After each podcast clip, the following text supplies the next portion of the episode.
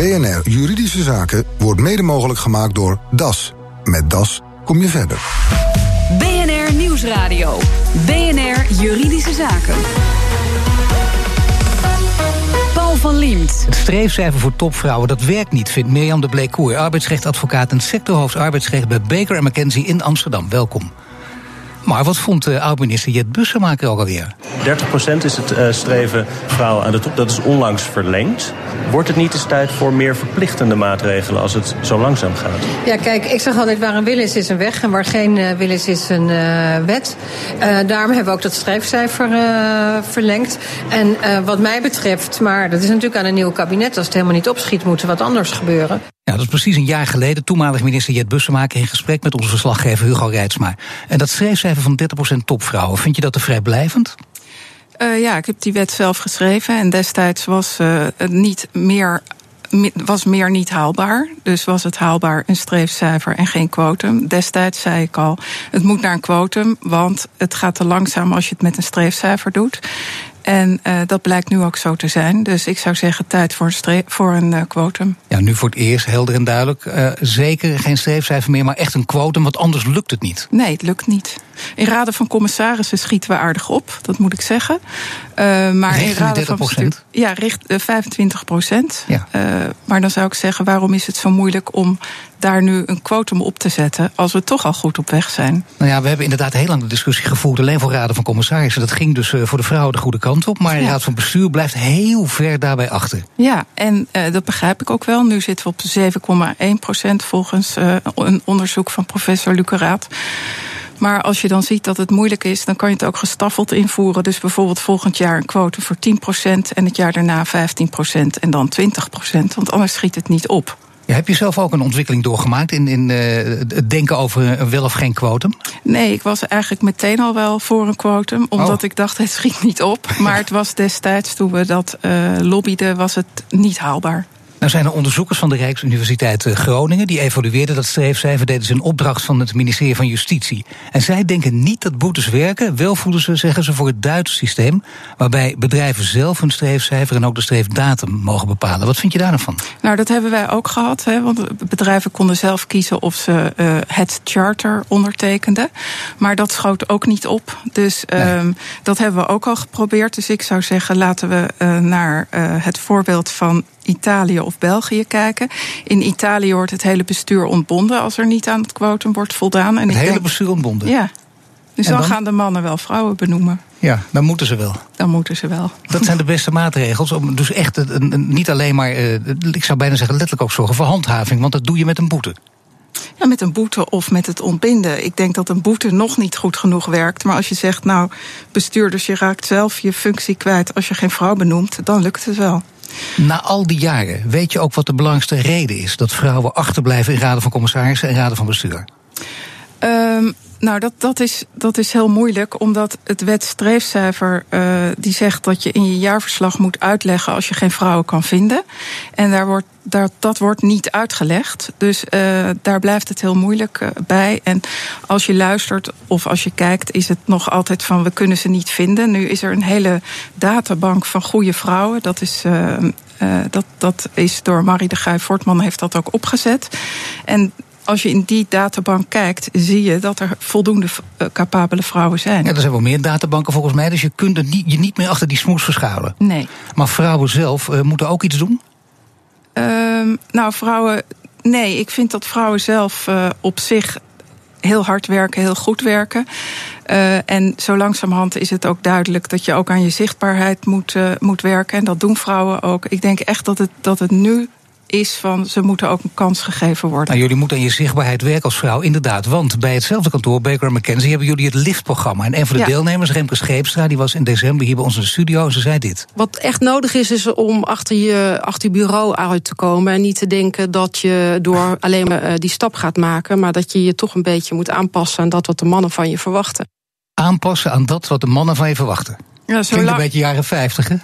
ja, nou, zo zijn Ik we zeg dus het thuis ook wel eens, maar het werkt niet echt. Dus je moet toch andere talen gebruiken, of niet? Ja, kijk, zo, uh, zo ver zijn we dus gekomen. Sinds de jaren 50 moeten we dit nog steeds zeggen. En dat is omdat er te weinig vrouwen in de top zitten. En dan wordt het ook niet, het gedrag van de vrouwen wordt ook niet herkend. Dus ik zou zeggen. Maar wacht we... even, het gedrag van de vrouw wordt niet herkend? Nee, dus het hard werken in je kamer zitten wordt niet herkend. Als ik een stagiaire heb en uh, ik heb zijn eerste evaluatiegesprek en ik heb dat met een man en ik vraag wat wil jij uh, gaan doen binnen Baker McKenzie, dan zegt hij ik wil partner worden. En bij een vrouw die ja. zegt ja ik weet het nog niet en ik weet niet of ik het wel kan. En dus ja, dat is toch, een ik groot snap, ik snap het wel, maar is, is het wel een goede raadgever? Want uh, Halbe Zijlstra bijvoorbeeld, nou veel mannen doen het ook. wat heb je het weekend gedaan? Nou ik ben bij Poetin geweest, ik heb in de dasja gezeten, een beetje grote mond opzetten. Ja, hij is Moeten vrouwen dat, ja, ja, ja, maar je kunt ook diep vallen. Dat vind dus ik niet bedoel... zo'n goed voorbeeld. Maar hij, hij is er wel gekomen. Hij is wel op die plaats gekomen. De vrouwen zouden eigenlijk en, meer, meer en, moeten pochen. Uh, als meer we even naar het ministerie kijken, naar, naar onze overheid. Ja. Daar wordt. Uh, dat ziet er ook niet echt goed uit. Er zitten ook hey. te weinig vrouwen. Als we daar nou meer vrouwen neer zouden zetten, dan zou Halbe Zijlstra misschien dat ook niet meer hoeven doen. In ieder geval, er moet een vrouw klaarstaan om hem op te volgen. Dat ook. Meer om de blik hoor? Nou, wie weet. Ja, buitenlandse nee, zaken. Ik heb, het, ik heb het erg leuk uh, in nou ja, omdat je ooit wel werkkring. Jawel, maar je hebt toch, ik heb in oude interviews gelezen, toch regelmatig wel eens laten vallen. Op vragen weliswaar van uh, journalisten. Maar zou je minister willen worden? Nooit nee gezegd. Ja, ik, heb, ik heb altijd gezegd, we zien als ik gevraagd word, dan zie ik het dan. Ja, dat is typisch zoals een vrouw dat zou Ja, dat doen is ook dan, zo. Ja, niet van natuurlijk, ik sta klaar, bellen, schiet ja, op. hier ben ik bij, bij PNR. Het kabinet, nog erger over het kabinet. Want uh, in het regeerakkoord hebben we het even nagekeken. Er staat niets over vrouwenemancipatie. Het woord komt er niet eens in voor. En uh, we hebben gebeld natuurlijk met Den Haag. En uh, het verantwoordelijke ministerie zegt... het kabinet komt 6 maart met nieuwe cijfers en eventuele maatregelen. Ja. Wat vind je daarvan? Nou, ik vind dat er daarom een aparte minister voor emancipatie zou moeten komen. Die zich gewoon volledig kan richten op de emancipatie. En die bijvoorbeeld een liftprogramma voor de overheid opstelt. Waardoor vrouwen ook makkelijker voor banen in aanmerking komen. Dat mag eventueel een man zijn, die minister van Emancipatiezaken, of liever niet? Als, van mij mag het een man zijn, maar natuurlijk liever een vrouw. En dat zou ook het quotum in, uh, in de overheid weer een beetje naar boven halen. Dat idee van de minister van Emancipatiezaken, uh, heb je dat wel eens gedropt in uh, groepen van invloedrijke mannen en vrouwen waar je natuurlijk vaker in verkeert? Nou, ik heb, ja, dat heb ik wel eens gedaan. En, en wat is de reactie? De reactie is, maar we hebben een minister van Cultuur en Wetenschap en Onderwijs en emancipatie. Ja, zo komt het er inderdaad achteraan. Ja, dat moet helemaal apart. Nou hoor ik wel vaak als tegenargument. Er zijn net als mensen die zeggen technologie is een belangrijk onderwerp. Daar zou je een aparte minister van moeten maken. Het tegenargument is dan, dat is niet goed, want er wordt het allemaal in dat ene hokje gestopt. Het moet door alle ministeries heen heen gaan. Dat er altijd overal aandacht voor is. Wat vind je daarvan? Nou, ik vind als je dus één iemand daarvoor verantwoordelijk maakt... en die heeft daar alle mogelijkheid en alle tijd voor... die kan zich daar dan prima op richten... en met alle andere stakeholders, zoals ze dat dan noemen, in gesprek gaan. Nu is het wel zo dat het gaat niet alleen om mannen of vrouwen... Uh, het gaat om diversiteit. Laten we, laat ik het zo zeggen. In bijna alle discussies die daarover gaan, zullen vriend en vijand het erkennen. Er is onderzoek naar gedaan. Het gaat om diversiteit, dus veel breder dan alleen mannen en vrouwen. Ja, maar als je ziet dat we in Nederland nog niet eens voor elkaar krijgen dat er 30% vrouwen zijn, hoe kunnen we dan aan de rest van de diversiteit gaan werken? Maar daar moet je mee beginnen en dan vervolgens de, de, de LHBT, dus de, de migranten ook? Allemaal. We moeten allemaal gelijk zijn. Ja, maar dat, is, dat komt pas na de vrouwen. Maar dat is nog niet zo. Nee, ik nee denk wat, alleen... ik, ja, wat ik zeg, als we het met vrouwen nog niet eens voor elkaar krijgen, hoe gaan we het dan met de andere groepen, met de kennismigranten en gaan we dat dan voor elkaar krijgen? Nu hoop je wel op goede voorbeelden, want dat is ja. denk ik belangrijk. Ja. Goede ambassadeurs. We hebben onlangs die, die uh, mooie reconstructie in het FD gezien, waar twee journalisten langdurig aan gewerkt hebben. En die hebben nogal wat uh, naar boven gehaald. Onder andere uh, over Olga Zoutendijk, de president-commissaris bij ABN Amro. ze werd te dominant bevonden. zij werd niet voor te niets- mannelijk. Ze, bijvoorbeeld ook te mannelijk. en ze hadden. ja.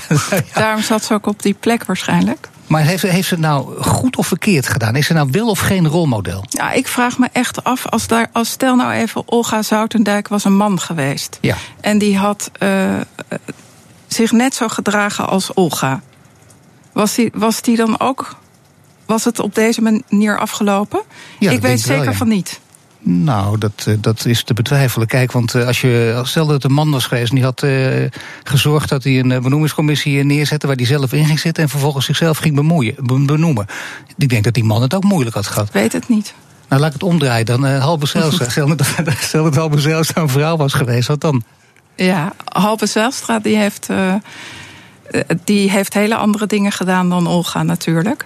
Maar kijk, mijn punt is, er gaat onderzoek verricht worden naar een vrouw. En de vraag is, zou er ook onderzoek gericht zijn geweest op een man? Dat is de vraag. En dat weet Uiteindelijk is de vraag, gaat het lukken? Ik weet nog dat je tien jaar geleden hier in deze studio was. Volgens mij spraken wij toen ook met elkaar. En toen zei je al, toen zei je inderdaad, nou die 30 procent, ik denk dat die wel gehaald wordt over tien jaar. En dat is veel te lang, maar ik denk dat het lukt. Toen, toen betwijfelde ik dat. Daar heb je gelijk in gekregen. Stel, dat we tien jaar, ja, stel dat we tien jaar later ook staan. Dan ben jij minister inmiddels, dat kan bijna niet anders. Dan, dan is er steefschrijver. Van emancipatiezaken ook nog. En dan bijvoorbeeld, nou dan ben ik een soort halve Zijlstra, wie weet. Nee, maar goed, dan stel ik deze vraag. En wat gebeurt er dan? Dan, dan, eh, dan is het zo dat 30 procent van de vrouwen in de raad van bestuur zitten. Is dat denkbaar dat het in tien jaar lukt? In de raad van, van bestuur uh, zal. Ik, als we, alleen als we een quotum opleggen. Dan kan het wel, over tien jaar. Als we een quotum opleggen, kan het. Want dat, dat zie je ook in andere landen gebeuren. Als anders de raad van bestuur wordt ontbonden. Ik denk alleen dat, het, dat je wel realistisch moet blijven. En het zal in een gestaffelde vorm moeten gaan. Maar dan kan het over tien jaar. Nou, laten we deze quote vasthouden en tegen die tijd even gaan uitzenden. Zometeen, hashtag MeToo dreunt nog door in de bedrijven. Want hoe moeten ze omgaan met seksueel overschrijdend gedrag? BNR Nieuwsradio. BNR Juridische Zaken. De hashtag MeToo-affaire dreunt nog na in het bedrijfsleven. Arbeidsrechtadvocaat en sectorhoofd arbeidsrecht bij Baker McKenzie, Mirjam de Bleekhoor, die helpen bedrijven daarbij. En wat merk je eraan dat bedrijven er ook echt daadwerkelijk dus mee bezig zijn? Ja, ik merk dat ze er echt mee bezig zijn en dat ze ook vragen: nou, wat kunnen we doen om een veilige werkplek te creëren? Uh, en er zijn natuurlijk heel veel mogelijkheden om, om dat te doen. Maar zijn dat de belangrijkste vragen? Zijn, zijn, dat de belangrijkste vragen die ze stellen? Hoe kan ik een veilige werkplek creëren? Ja, want daar gaat het uiteindelijk om. Ja, maar is dat het enige dan? Is het enige, bedoel, je, je, je bent hierin werkzaam eh, in dit bedrijf, je bent arbeidsrechtadvocaat en mensen bellen alleen daarom. Met name wordt daarom gebeld. Of wat ik ook wel eens heb, dat uh, iemand seksueel intimideerd of geïntimideerd is en door mij wil worden bijgestaan. En dat zijn altijd, eh, voor de duidelijkheid, zijn altijd uh, vrouwen die door mannen seksueel geïntimideerd zijn. Uh, niet altijd. Er is ook jurisprudentie dat mannen seksueel geïntimideerd zijn door mannen. Maar dat heb ik in mijn praktijk nog niet gezien. In de regel zijn het toch de vrouwen die seksueel geïntimideerd worden door de mannen. Ook al omdat waar we het net over hadden, er meer mannen aan de top zitten en het altijd om een machtsverhouding gaat. Ja, dus de twee onderwerpen die wij hier bespreken hangen toch enigszins samen met elkaar. Ja. Straks met dat vrouwenquotum, dan hebben we er geen last meer van. Nee, dan, nou, dat, dat, is ook uit, nou, dat is ook uit onderzoek gebleken dat uh, daar waar meer vrouwen aan de top zijn, er minder seksuele intimidatie plaatsvindt. Dat betekent in landen waar dat het geval is, minder seksuele intimidatie. Waar is het onderzoek dan? Ja, dat stond laatst in de New York Times. En uh, er waren allerlei uh, doorklikmogelijkheden waar je kon zien waar dat uh, dan ja. was onderzocht. En ja, ik ben even vergeten door te klikken, maar, maar waar, waar ja. is er? ja, ja ik, weet, ik weet het niet meer nee. uit mijn hoofd. Maar er is, er is echt onderzoek naar gedaan. Nu is het zo dat het is ook dus... niet zo vreemd, want wat je ook wel merkt is dat uh, vrouwen zich makkelijker bij een vrouw melden als er sprake is van seksuele intimidatie dan bij een man. Nou, misschien is dit wel onderdeel van, van de oplossing uh, van de vraag die ik nog een keer wil stellen. Dus, want je zegt het gaat over veilige, daar bellen ze vaak over. Ja. Veilige plekken. Hoe creëer je dat? Ja. Nou, wat het allerbelangrijkste dus schijnt te zijn om meer vrouwen aan de top, maar ook uh, een cultuur waarin je dus opkomt voor je collega. Dus een speak-up cultuur. Dat je niet denkt, oh, ik hoor daar een of andere misplaatste grap en uh, ik draai me maar even om of ik lach een beetje mee. Nee, dat je zegt van, goh, weet je wel hoe dat op je collega over kan komen en waarom doe je dat eigenlijk? Dat is niet grappig. Net als vroeger nee. de grappen als je als vrouw later op je werk kwam. Hè, en, en dat er werd gezegd goedemiddag. Dat waren ook geen leuke grappen. En dit is, is hetzelfde. En wat oh, je dat was het, ja. Dan kwam je om negen uur dat je ja. kinderen naar je werk gebracht ja. Dat is een herkenbaar voorbeeld. Wel dan om negen uur. Maar dan kun je toch zeggen, nou ja, goed, uh, misschien is het wel leuk. Je kunt ook zeggen, doe niet zo flauw, dan moet je tegen kunnen. Ja, dat, maar dat is nou juist die hele hashtag MeToo-beweging. Dat het geen leuke grappen zijn. En dat je die cultuur verander, moet veranderen. Nou, is het ook niet zo dat de critici, bijvoorbeeld Catherine de Neuf, ook op andere zaken wijzen. En die zeggen, nou, het gaat wel heel erg alles over één kam geschoren. Alles wat een beetje met flirten en lol te maken heeft, mag niet meer. Ik ja. zeg het nu expres ja, aan de andere kant. Nee, hè, maar die, die kant heb je natuurlijk ook. En dat je denkt, ja, wat, wat is nou eigenlijk. Want wat, wat is nou? Moet alles op één hoop worden gegooid? Verkrachtingen en een onschuldig grapje? Nee, dat, dat, is, dat is natuurlijk niet zo. En dat is ook onzin. Maar toch is het zo dat mensen moeten zich wel veilig voelen op een werkplek. Dus als mensen de hele tijd een grapje maken en iemand vindt dat niet grappig, Nee. dan vind ik dat je daarmee op moet eh, houden. En dat vind ik, daar sta ik ook niet alleen in. Nee, maar dan wordt het een soort pesten. Dat vind ik meer iets van dat je, dat je echt eh, tien keer op één dag eh, dezelfde persoon probeert eruit te pikken. Ja, maar wat, wat een hele interessante discussie is. mijn man zei: Ja, maar mag ik dan niet meer tegen mijn assistent zeggen: Wat zit je haar leuk vandaag? Nou, ja, precies. Ja, maar dan denk ik: Waarom zou je dat eigenlijk doen? Maak maar een inhoudelijke opmerking van: Wat heb jij vandaag je werk goed gedaan? Kom op. Ja, dat meen ik serieus. De hele dag alleen maar inhoudelijke nou opmerkingen. ja, maar- als je een paar van die grappen maakt, waarom zou je het eigenlijk doen? Wat, wat is de toegevoegde waarde daarvan op Dus ik werk? mag niet zeggen mevrouw de Blekoer, want ik zeg even u nu expresses. wat, wat, wat heb u toch een mooie tas? Nou, Zeg je, je, nou, je, doet er mij, je doet er mij geen plezier mee. Je zou beter kunnen zeggen: Wat doe je dat interview leuk? Collega's, eh, ja, dat, ja, nou ja, dat kan ook, ja. Collega's die zeiden in het FD en in NRC Handelsblad, eh, collega's van jou dus, die dat de rechters, dat daar ook een deel van de schuld ligt. Want die rechters zouden veel te mild oordelen over seksueel Ja. grensoverschrijdend gedrag. Ja, daar heeft Zagel eh, onderzoek naar gedaan. En dat is ook zo. Kijk, als je, eh, als je je systemen beter inricht op je werk, dan geef je de rechter ook een handvat. Dus als je een code of conduct hebt, of als we het bijvoorbeeld in de corporate governance code zouden opnemen, of je hebt een speak-up beleid en je kan dat allemaal onderbouwen, dan geef je de rechter een handvat om ook wat te doen. Als je helemaal niks binnen je bedrijf hebt, dan wordt het ook moeilijk om iemand te ontslaan. Nee, wat wel zo is, wat, wat ik echt heel kwalijk vind, is dat eh, als iemand seksueel wordt geïntimideerd, neem even een man op een hoge positie en een vrouw op een lage positie, dan wordt die vrouw vaak ontslagen of naar een andere afdeling eh, gezet. En dat, dat moet ook in het huidige jurisprudentiesysteem. En de man blijft vaak op zijn positie of hij eh, eh, krijgt een, eh, een berisping. Eigenlijk zou het zo niet moeten en zou je dus de corporate governance code erop aan moeten passen, vind ik. Of de ondernemingsraad een grotere rol geven. Dat is niet zo moeilijk, denk ik, om de corporate governance code juist in deze tijd ook daarop aan te passen. Nee, Merk dus- je dat veel bedrijven dat ook wenselijk achten of het van plan zijn om te doen? Eh, nou, ze, ze, eh, wat ik wel zie is dat bedrijven hun eigen code of conduct erop eh, op afstemmen. Maar de corporate governance code heb ik nog niks van gelezen dat die erop aangepast gaat worden.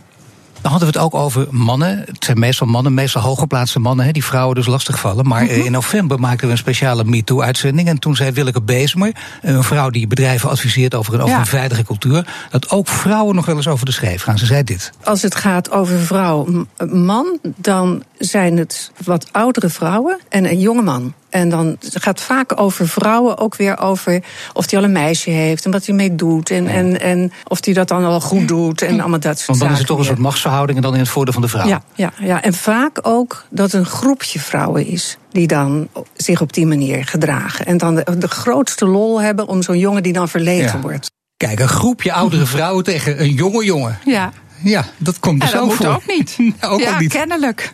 Ja, het is niet van dat je denkt, nou blij dit te horen, goed dat ze een keer worden teruggepakt, maar dit kan Nee. dus ook niet. Nee. Is, is dit wel, eh, dit is iets wat, wat bij jullie in de praktijk niet wordt gemeld? Ik herken, ik herken het niet. En eh, bij jullie in de praktijk, in mijn praktijk, eh, heb, heb ik dit niet. nee. Nee. Is er verschil in aanpak tussen Nederland en het buitenland? Dan heb ik het met het buitenland met name eigenlijk over landen als Duitsland, Frankrijk, Amerika. Kun je daar verschillen in zien? Nou, in Amerika zeker. Daar zeggen bedrijven dat, je niet samen, dat een man niet samen met een vrouw in de lift mag stappen. Dat dat beter is om dat niet te doen. Ja, en wat vind je ervan? Ja, dat gaat natuurlijk heel ver. Ehm, ja. Je- nou, maar maar goed, als de vrouw gaat gillen en, eh, en, en de man wordt daardoor ontslagen en zegt hij heeft aan me gezeten. Ik, ja, moeilijke discussie. Nee, maar toch merk je wel iets, eh, de grote bedrijven met een, eh, laten we zeggen, Anglo-Saxische cultuur, dat Ja. daar een eh, andere sfeer heerst dan in Nederlandse bedrijven. Ehm, ja. ja. Waar is het beter voor de vrouw? Amerika is beter voor de vrouw. Ja. Ja. Op lange of op korte termijn? Ik denk ook op de, ja, dat, dat is eh, op de lange termijn. Op de werkvloer is het beter in Amerika voor een vrouw. En dat komt nu overgewaaid naar, naar Nederland. En dat is goed. Alhoewel, je kan je ook afvragen of dat echt wel zo was. Want als je die hele MeToo-beweging ziet die in gang is gezet in Amerika, Ja. bleek daar toch ook nog wel het een en ander mis te zijn. Dat kun je ook wel stellen. Ja. Daar kunnen we nog een hele aparte uitzending over maken. Ja. gaan we niet doen. Ik dank je voor vandaag. Mirjam de Bleekoor, arbeidsrechtadvocaat en sectorhoofd arbeidsrecht bij Baker McKenzie. BNR Nieuwsradio. BNR Juridische Zaken. Paul van Liemt. De onderneming die Simon met zijn compagnon begon liep goed. Tot ze ruzie kregen natuurlijk over geld. Verslag is van Nelke van der Heijden. Simon, je hebt samen met je compagnon een bedrijf, maar dat heeft waarschijnlijk zijn langste tijd al wel gehad? Ja, dat zit er dik in. We zijn, uh, we zijn allebei eigenlijk voor 50% aandeelhouder. Nou ja, de onderneming liep eigenlijk vrij goed, totdat mijn compagnon in problemen kwam. Een ander bedrijf dat onder zijn beheer BV uh, viel, dat liep niet heel lekker. De rekeningen die hij daarmee niet kon betalen, die hebben we vanuit het gezamenlijke bedrijf voorgeschoten. En die kwamen dan dus als lening op de balans. En dan waren er nog de rekeningen die hij moest betalen aan ons bedrijf. En nou ja, die hebben we eigenlijk even laten liggen. Klinkt op zich als een prettige regeling uh, voor die compagnon.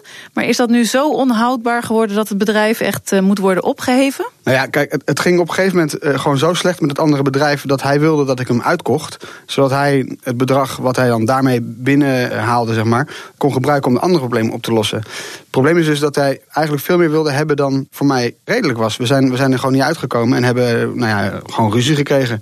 Daarom heb ik eigenlijk besloten zelf ook niet door te gaan, ondanks de, de prima resultaten van het bedrijf tot dat moment. Ja, dus dat bedrijf ligt nu stil. Hoe lang uh, is dat al gaande? Ja, het ligt eigenlijk gewoon twee jaar op zijn gat. Er is geen omzet. De voorraad en de inventaris hebben we verkocht. Het bedrijf is om die reden ook niet heel veel meer waard. Het enige wat we eigenlijk nog hebben zijn de openstaande posten. En nou ja, die gaan voornamelijk over de schuld en de openstaande facturen van nou ja, mijn compagnon. Het probleem is dus eigenlijk dat hij nog steeds een exorbitant hoog bedrag wil hebben voor zijn aandeel, die 50%.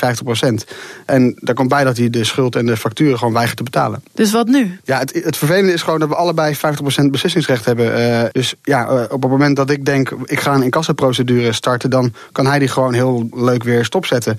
Dus de, de vraag is eigenlijk, wat kan ik nou doen? Uh, hoe kan ik de schulden incasseren en hoe komen we uit die verkoop van die aandelen? Want, ja, zoals het nu gaat, zou ik het eigenlijk het liefst gewoon mijn eigen aandelen verkopen. Onno Hennis van AMS Advocaten. Wat kan Simon nou doen met die aandelentwist? Ik zou zeggen dat partijen moeten streven naar ontbinding van het vennootschap en liquidatie van de onderneming. Want er is al een deel verkocht blijkbaar. Die activiteiten zijn gestaakt. De onderneming ligt eigenlijk op zijn gat. Partijen willen ook niet samen verder. Dus de boel moet eigenlijk gewoon afgewikkeld worden. En daar hoef je niet de aandelen voor over te dragen. En wat komt er dan allemaal bij kijken? Want die schulden staan natuurlijk nog steeds open. Ja, die schulden staan nog open. Dus hè, voordat dat geliquideerd kan worden, moeten die schulden geïncasseerd worden. En daar kan de mede-aandeelhouder inderdaad de boel frustreren. Ze zijn 50-50 verhoudingen. En even vanuitgaande dat ze ook beide zelfstandig bevoegd bestuurder zijn... kan als Simon een incassomaatregel treft... kan zijn medebestuurder dat incassobureau opbellen en zeggen dat de opdracht is ingetrokken. En dan kom je dus in een, in een impasse waarbij je niet voor of achteruit kunt.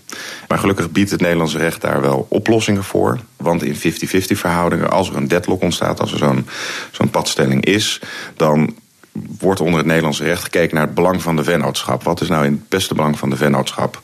En, en nou, dat is natuurlijk duidelijk dat als er uh, vorderingen uitstaan, mits ze opeisbaar zijn natuurlijk, dat het in het belang van de vennootschap is dat die worden geïncasseerd. Want dan ontvangt de vennootschap geld. Dus mocht die mede-aandeelhouder dan uh, de boel frustreren, dan zijn er wel juridische handvatten om die incassering af te dwingen. Had dit voorkomen kunnen worden? Ja, dat had voorkomen kunnen worden. Partijen hadden in een aandeelhoudersovereenkomst bij het begin van hun samenwerking bepaalde afspraken kunnen maken wat te doen in dergelijke situaties van zo'n padstelling.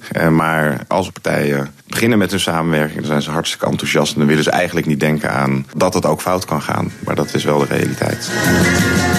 Nou, de les luidt, leg dus vast wat te doen als het misgaat. Ook al wil je daar als je begint niet aan denken. Dat zegt advocaat Onno Hennis in een verslag van Nelleke van der Heijden. Heeft u ook een juridische vraag? Mail hem naar juridischezaken.bnr.nl. En dit was de uitzending voor vandaag. U kunt de show terugluisteren via bnr.nl slash juridische zaken. Mijn naam is Paul van Liemt. Tot de volgende zitting. BNR Juridische Zaken wordt mede mogelijk gemaakt door DAS. Met DAS kom je verder.